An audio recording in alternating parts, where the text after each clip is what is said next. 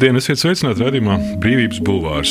Kara un miera pretnostatījums nav radies no Tolstoja, tā cēloņi ir senāki, un to pavisam nesen kara ētikas kontekstā filozofiskās domas portālā Punktu magazīna atgādināja filozofs Igors Šuvājovs, rakstot, ka par mieru cīnās, par to karo, taču aizmirst uzturēt mieru. Filozofs norādīja, ka reti kurš pēdējā laikā gan juristi, gan filozofi, gan politologi, formulējot attieksmi pret karu un mieru, atsaukušies uz Kanta uzskatiem. Kants bijis tas, kurš uzsācis mūsdienās tik svarīgo kara ētikas tēmu. Radījumā Brīvības bulvārs saruna ar Igoru Šuvājevu par mieru, kara ētiku un arī Krievijas imperiālismu. Labdien! Labdien. Kas tad īsti ir kara ētika, par kuras aizsācēju mēs varam uzskatīt Kantu, un kāds tam sakars ar to, kas notiek mūsdienās? Īstenībā jau tas sakars ir visvienkāršākais. Tradicionāli kara ētika ir pastāvējusi kopš tiem laikiem, kamēr pastāv ētika. Tas ir viens. Otrais, šajā tradicionālajā kara ētikā tika iekļauta tiesības uz karu un tiesības karā. Līdz ar kantu iezīmēs, ka ir vajadzīga vēl trešā joma - tiesības e, pēc kara. Tad, kad es saku tiesības, tikpat labi var arī teikt vēl vienu vārdu e, - taisnīgums, taisnība. Ko īstenībā nozīmē šīs tiesības e, uz karu un tiesības karā? Nu, tāpēc, ka cilvēki parasti lielākoties karo, tas ir viens, bet ir pieļauts viens karš vismaz ētiskajā aspektā, taisnīgais karš. Un savukārt taisnīgais karš principā ir atbrīvošanās karš. Mm, tas ir karš, kurā nu, šodien atrodas Ukraina. Jā. Jūsu publikācijā es skatījos, ka nu, tas jautājums par to, ko tad mēs īsti varam saukt par karu, un kad mēs varam to, kas notiek, saukt vienkārši par, citējot Kantu, vienkārši izskaušanas kampaņu. Nu, īstenībā šajā formulējumā Kants nedaudz aizdeicis priekšā savam jaunākajam laikbiedram, tas ir Klausevits, Karls eh, Klausevits, kuru vajadzētu tomēr eh, zināt, jo viņam ir klasisks darbs par karu, un eh, Klausevits norāda, ka kara mērķis, ja tas ir karš, ir padarīt pretinieku bezspēcīgu. Viss pārējais principā ir slēgts lactente. Mm. Bet no tāda kanta viedokļa, tad, piemēram, nu, šis lingvistiskais vingrinājums, kur izpildīja Krievija pagājušajā gadā, saucot to par militāro operāciju un baidoties saukt par karu, nu, neiztur kritiku. Jo, ja Protams, izpratnē, viņi būt, viņiem bija jābūt pat interesētiem to saukt par karu. Savā ziņā, jā, bet tu, tur ir dažs cits atruns. E, taču man ir aizdoms, ka Krievijā šī visas laktēšanas pasākuma nodēvēšana, kā tur bija speciālā operācija kaut kāda. Ja? Tam, manuprāt, ir iekšzemes eh, daži nosacījumi, jo, ja tā ir speciāla operācija, nu, cilvēki var kaut kur uz kādu laiciņu pazust, un par tiem nekādas atbildības nav. Gluži tāpat tās, ja kāds cilvēks eh, krīt šajā speciālajā operācijā, viņš nav kritis karā. Pieminēja Kantu, tad Kants eh, norāda uz diviem aspektiem, kad ir iespējams miers. Un viens no striktajiem punktiem, kurš ir jāīsteno jau pirms visa pasākuma, ir nedrīkst varmācīgi iejaukties citu valstu iekšējās lietās. Otrais eh, striktais ir nedrīkst darīt neko tādu, kas mazinātu savstarpējo uzticību. Nu, Krievija ir pārkāpusi jau pirmos divus punktus. Līdz ar to Tur vairs nevar būt nekāda runa. Tas ir taisnīgs karš no Ukraiņas puses un slaktēšana no Krievijas puses. Kādēļ karš ir iespējams tikai kā nu, šis taisnīgais karš viņa izpratnē? Nu, pretējā gadījumā jebkurš cits karš nodrošina nākamo karu. Un tāpēc arī tas tiesības pēc kara vajag, lai varētu pielikt punktu un lai mēģinātu sadzīvot mierīgi. Ko līdz tas netiek darīts, tad karš ir uzreiz iespējams. Starp citu, Kantam ir vēl viens eh, pie šiem punktiem, kas nav striktais eh, preliminārais punkts. Nav pieļaujami nekādi valsts ārējie parādi. Un viņš to pamato ļoti vienkārši. Ja ir valsts ārējie parādi, pēc kāda laika tie, kas ir nokļuvuši parādu jūgā, var sacelties pret to, un eh, viņu sacelšanās principiāli ir taisnīga. Un tā tad ir iespējams nākamais karš. Kas ir tiesības karā? Tiesības karā, kā izturēties pret tiem, kas karo, un pret tiem, kas nekaro. Tas ir tas galvenais, kas ir nošķīrums. Taču atkal es varu atsaukties uz to pašu Klausevicu, un tas ir 19. gadsimta pats sākums. Klausevics norāda, ka karo nevis armijas, bet principā sabiedrību. Un tad jau sako 19.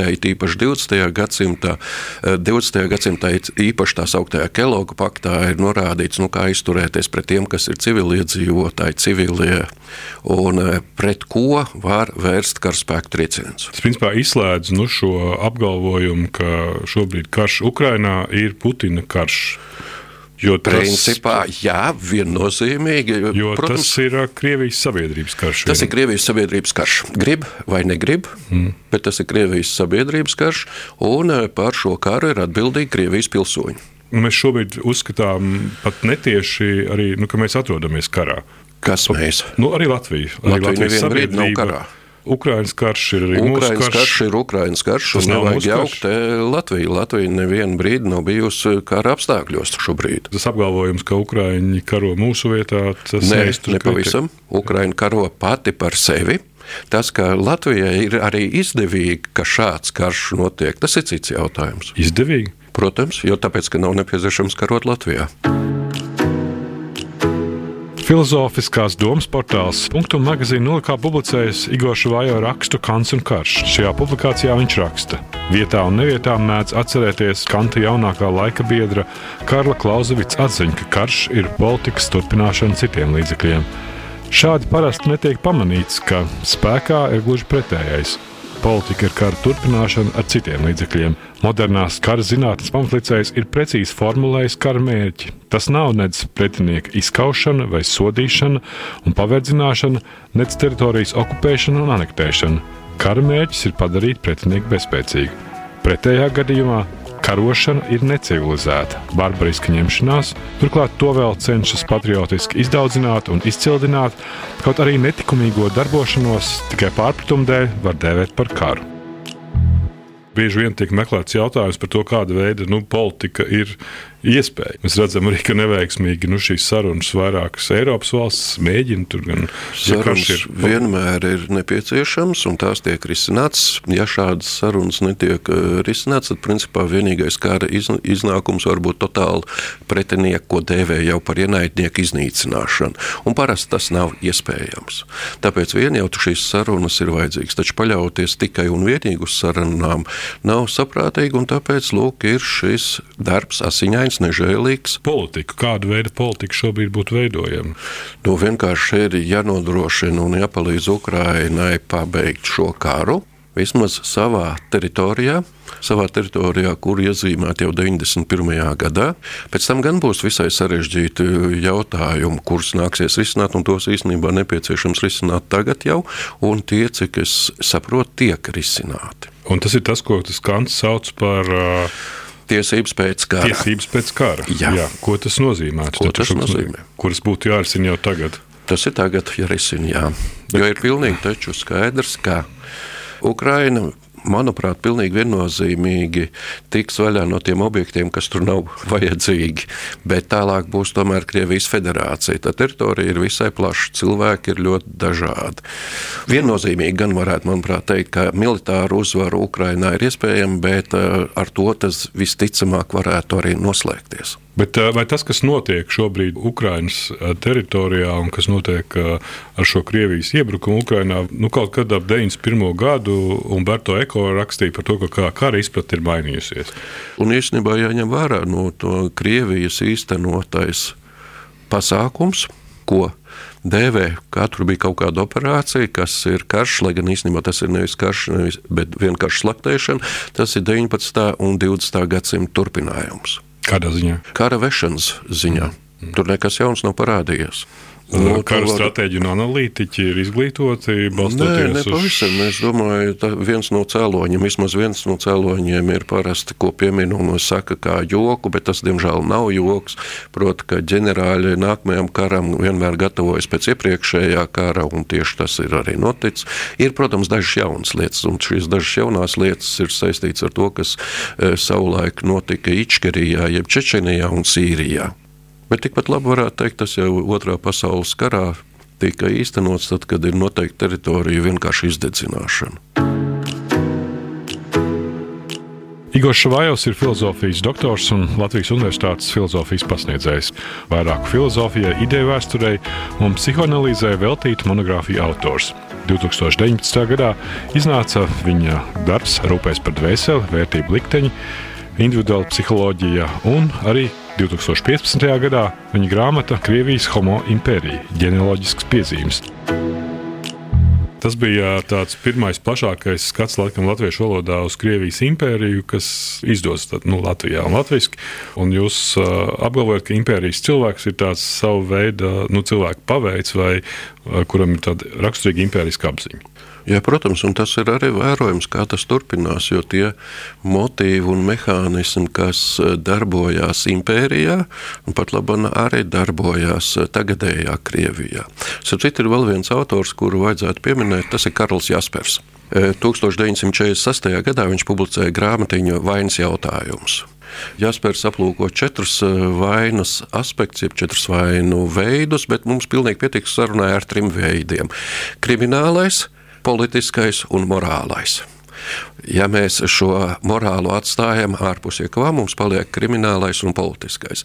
Politiskais tas nozīmē, ka Krievijas pilsoņi ir atbildīgi par notiekošo. Šobrīd nevar manīt, ka Krievijas pilsoņi uzņemto šo atbildību. Savukārt krimināla atbildība, nu šeit parādīsies tas, ko iepriekš jau saistībā ar Kantu it kā iezīmēja. Jau šobrīd tiek veidots, ja mēģina nodrošināt tādas institūcijas, kurās varētu tiesāt ne tikai tos tiešos pavēļu izpildītājus, bet arī tos, kas deva pavēles, un gal galā arī visus tos, kas pārstāv un īsteno tagadējo politisko režīmu Krievijā. Bet atgriežoties pie šī jūsu 15. gada darba par nu, Krievijas impērisko vai Krievu impērisko apziņu. Tā ir kaut kāda ļoti specifiska Krievijas impēriskā Nē, apziņa, vai tā ir tāda Nē. klasiska impē, Tā ir apziņa. klasiska impērijas un raksturīga ne tikai Krievijā, bet galu galā mēs dzīvojam šai impērijai diezgan tuvu. Un nevajadzētu aizmirst vēl vairāk, ka Latvija ilgstoši ir bijusi šīs impērijas sastāvā. Tāpēc vajadzētu pamanīt, nosacīt šos impēriskos motīvus. Varbūt tieši tāpēc ir grūtāk pamanīt. Jā, protams. Grūti taču pamanīt un atzīt, ka tu kaut ko dari tādu, kas ne īpaši labs ir. Kas ir nu, šīs apziņas pazīmes, ja mēs runājam tīri specifiski par Krieviju impērisko apziņu? Jā, bet te ir jāņem uzreiz vairāk, ka ir dažādas impērijas, arī mūsdienās ir dažādas impērijas, un katrai impērijai ir tomēr savas raksturīgās iezīmes.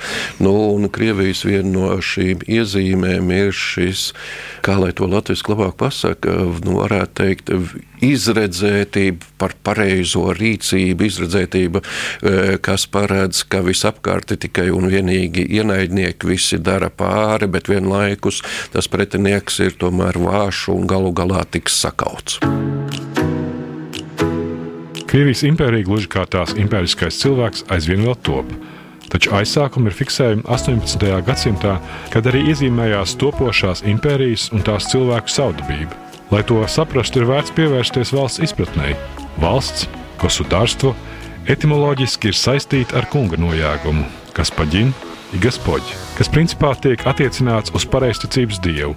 Valdnieks ir saimnieks, kuram kaut kas ir pakļauts un padots, proti, runa ir par kundzību.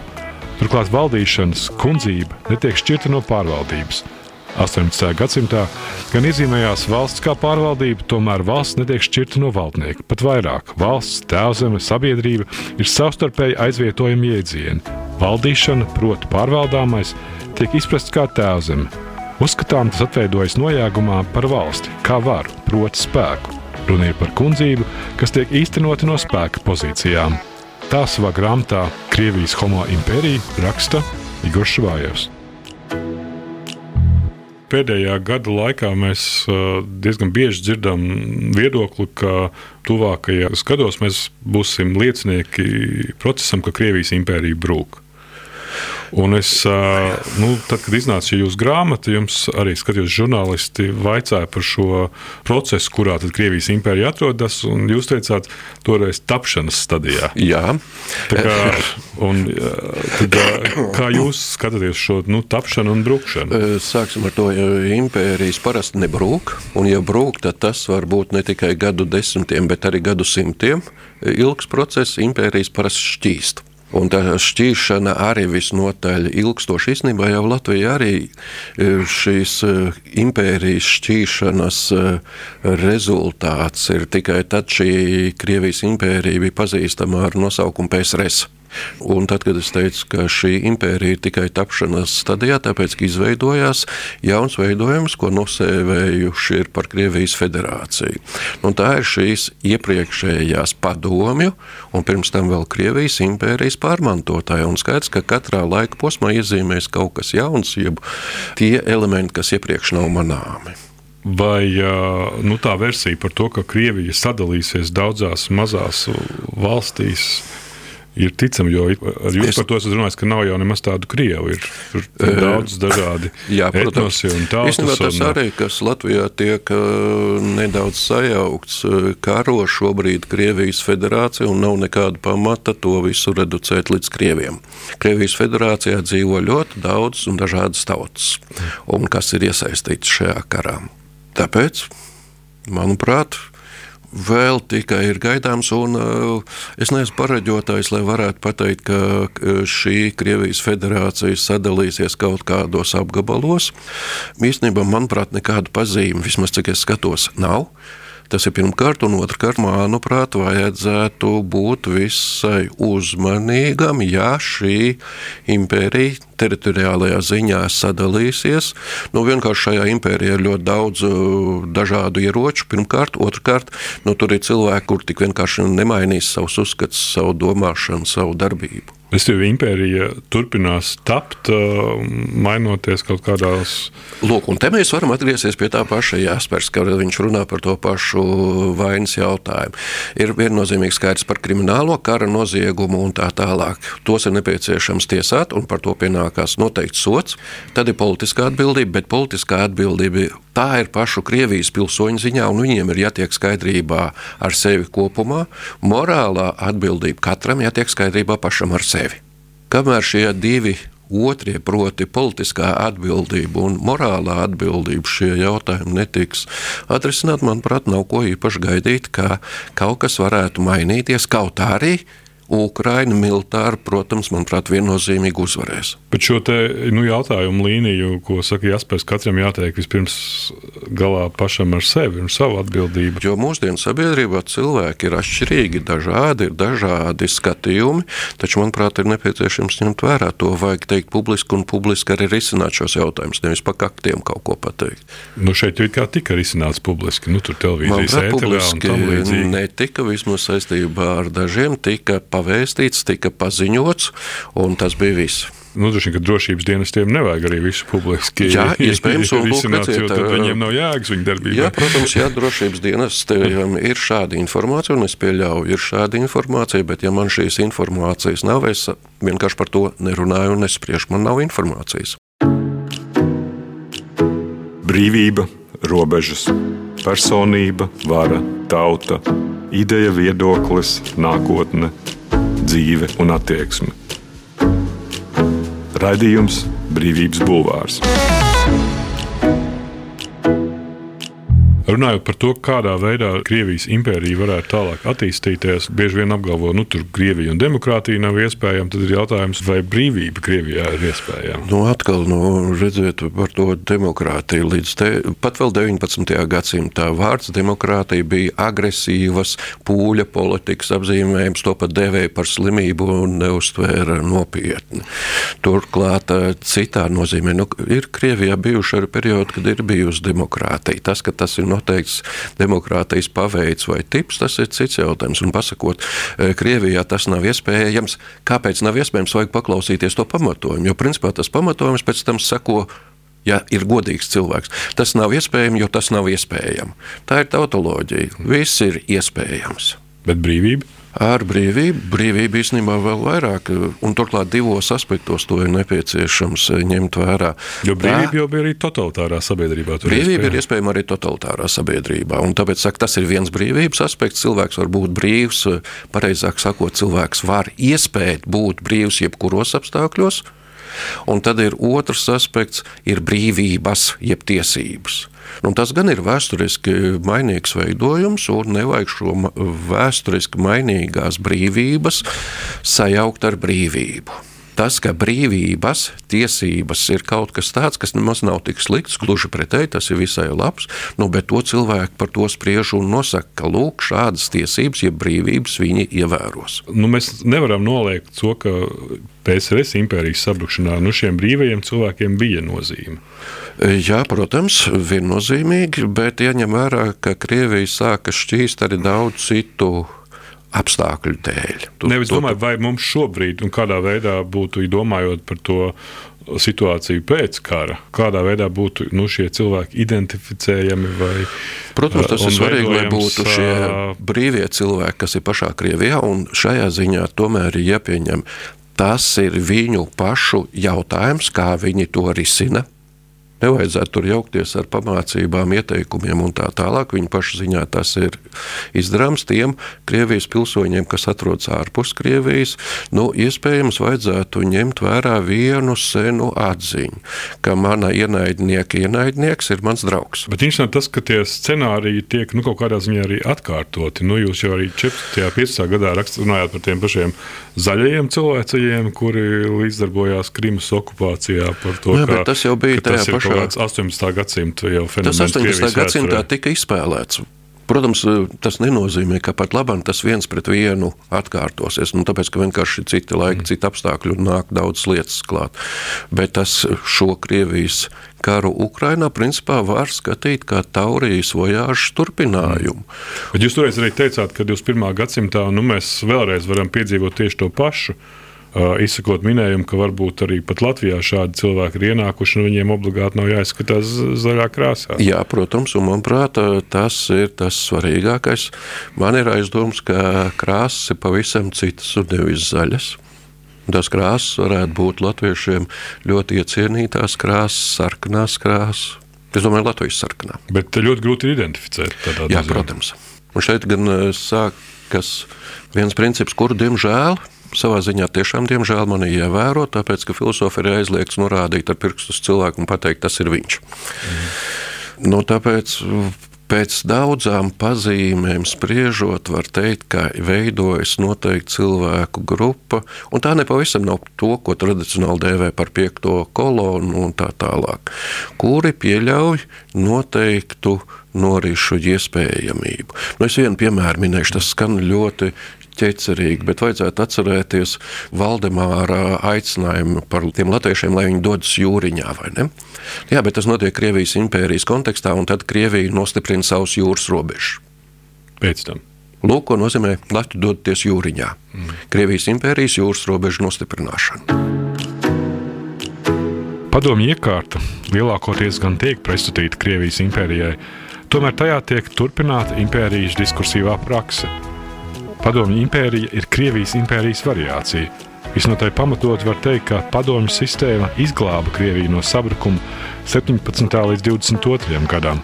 Pat vairāk, tajā tika veidots nacionāli impēriskais sociālisms. Tajā zeļ gan sociālais rasisms, gan instrumentālais un spontānais padomju praktiskais rasisms. Tajā valda politiskais genocīds, nebijušos apmēros izvēršas sodīšanas izrādes, Tās kļūst par pamatu sociālistiskai koncentrācijas nometnei. Tā grāmatā Krievijas homo impērija raksta Igors Švājovs.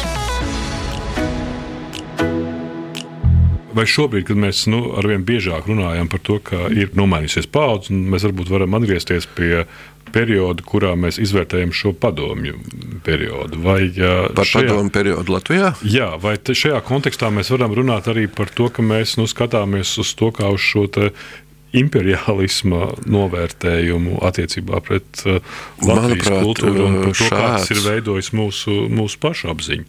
Manuprāt, šāds izvērtējums ir vitāli nepieciešams. Un kamēr uh, tas netiks izdarīts, nu, daudzas lietas netaps skaidrākas. Turklāt, manuprāt, ne tikai padomju laika, jo padomju laiks jau īstenībā formāli ļoti īsti ir 50 gadi, bet var jau atcerēties 14. gadu, sākot ar 14. bet jo īpaši ar 17. gadu. Nu, es pieļauju, ir zināms Jurijas Ļoskina grāmatiņa latviešu valodā par smilgu. Nu, tā tad Latviešu revolūcijas epilogs eh, Padomju Savienībā. To arī ir nepieciešams ņemt vērā. Bet, protams, pēc Latvijas okupācijas pēc abām Latvijas okupācijām 40. gados ir jātiek skaidrībā, kas un kā notiek. Un, manuprāt, šis jautājums vēl nav īsti sākts risināt. Īstenībā jau Latvijā kopš 1795. gadā tagadējā Latvijas teritorija pilntiesīgi tiek iekļauta uh, Krievijas impērijā. Tā kā diezgan ilgs, tas nav tikai padomju.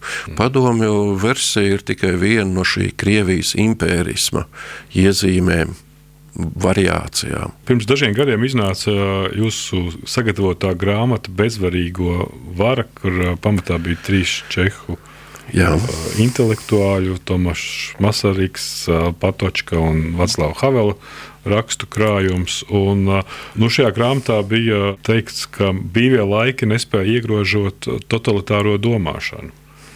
Kur tad ir šis nu, paradoks, kāpēc mēs šajā, te, tad, kad ir brīvais laiks, mēs nespējam tikt no, galā ar to totalitāro tagad, domāšanu? Manuprāt, tagadējā Čehija ir labs eh, piemērs, cik ļoti tālu tagadējā Čehija principā ir no Masarika, Patočkas un Havela.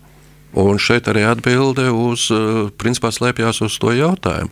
Nu, vieglāk jau dzīvot ir dažādos grožos, iegrožojumos, nevis situācijā, ka tu pats vienmēr par visu esi atbildīgs. Un tāpēc tam ieslīdēšana tajā, ko dažādi dēvē, var dēvēt par totalitārismu, var dēvēt par imperialismu, tāpēc tā ir tik uh, vienkārši. Nu, atkal atgriežoties pie tā salīdzinājuma par piecelšanos no rīta, no nu, vieglāk taču palikt tajā gultā un turpināt zvilnēt. Un tas ir patīkami, var staipīties, var gorīties. Kāpēc jāpieceļas? Nu, tas prasa piepūli. Brīvība prasa piepūli. Bet kas ir tie bezvarīgie, kuriem ir iedota vara? Bezvarīgie tas ir uh, variants, ko Havels savā esejā, kas beidzot ir arī pārtulkot un publicēta latviešu šajā krājumā, mēģina norādīt, ka ir apstākļi, un tolaik ir runa par Čehoslovākiju, ka arī cilvēki, kas principā ir bezvarīgi, var paust savu cilvēcisko attieksmi. Un tā cilvēciskā attieksme, brīva cilvēka attieksme var būt visdažādākā. To nevajag iepriekš e, programmēt, un to principā nav iespējams e, programmēt. Nu, tas viņa piemērs ir par to sakņu bodītas īpašnieku. Nu, vai nu viņš izliek to pašu lozungu, ko pieprasa oficiālā ideoloģija, vai tomēr to ignorē. Šajā grāmatā arī ir tāds nu, interesants uh, Havela citāts. Mēs nezinām izēju no pasaules marasma un būtu nepiedodamas lepnības izpausme, ja mēs uzskatītu, ka mūsu paveiktajā mazumā var pamanīt kādu principiālu izēju tieši šis paveiktais mazums, man liekas, ir ļoti nu, interesants Havela formulējums. Jā, protams, ka tas, mazai ko... lietai pēc būtības nu, ir jēga. Jā, protams, un, un Havels to darīja. Nozīme. Īstenībā jau viņš to darbiņu uzrakstīja apcietinājumā. Atgriežoties pie tā, ka brīvie laiki līdzīgi nu, nespēja iegrožot to totalitāro domāšanu, bet viņi arī mums nedod iespēju vai laiku domāt par to, ka mēs nu, diezgan vienkārši nu, aizmirstam, paslaukam zem tepiņa. Tas ir līdzīgi kā ar to mieru, kad miera laikā nedomā par karu un otrādi. Labi, man liekas, ir, domā par mieru. Ir viens labs piemērs tomēr šajā gadījumā, un tā ir eh, Vācija. Hmm. Vācija pagājušā gadsimta 30. gados, proti, Hitlera nākšana pie varas. Viņš taču pie varas nokļuva demokrātiskā veidā.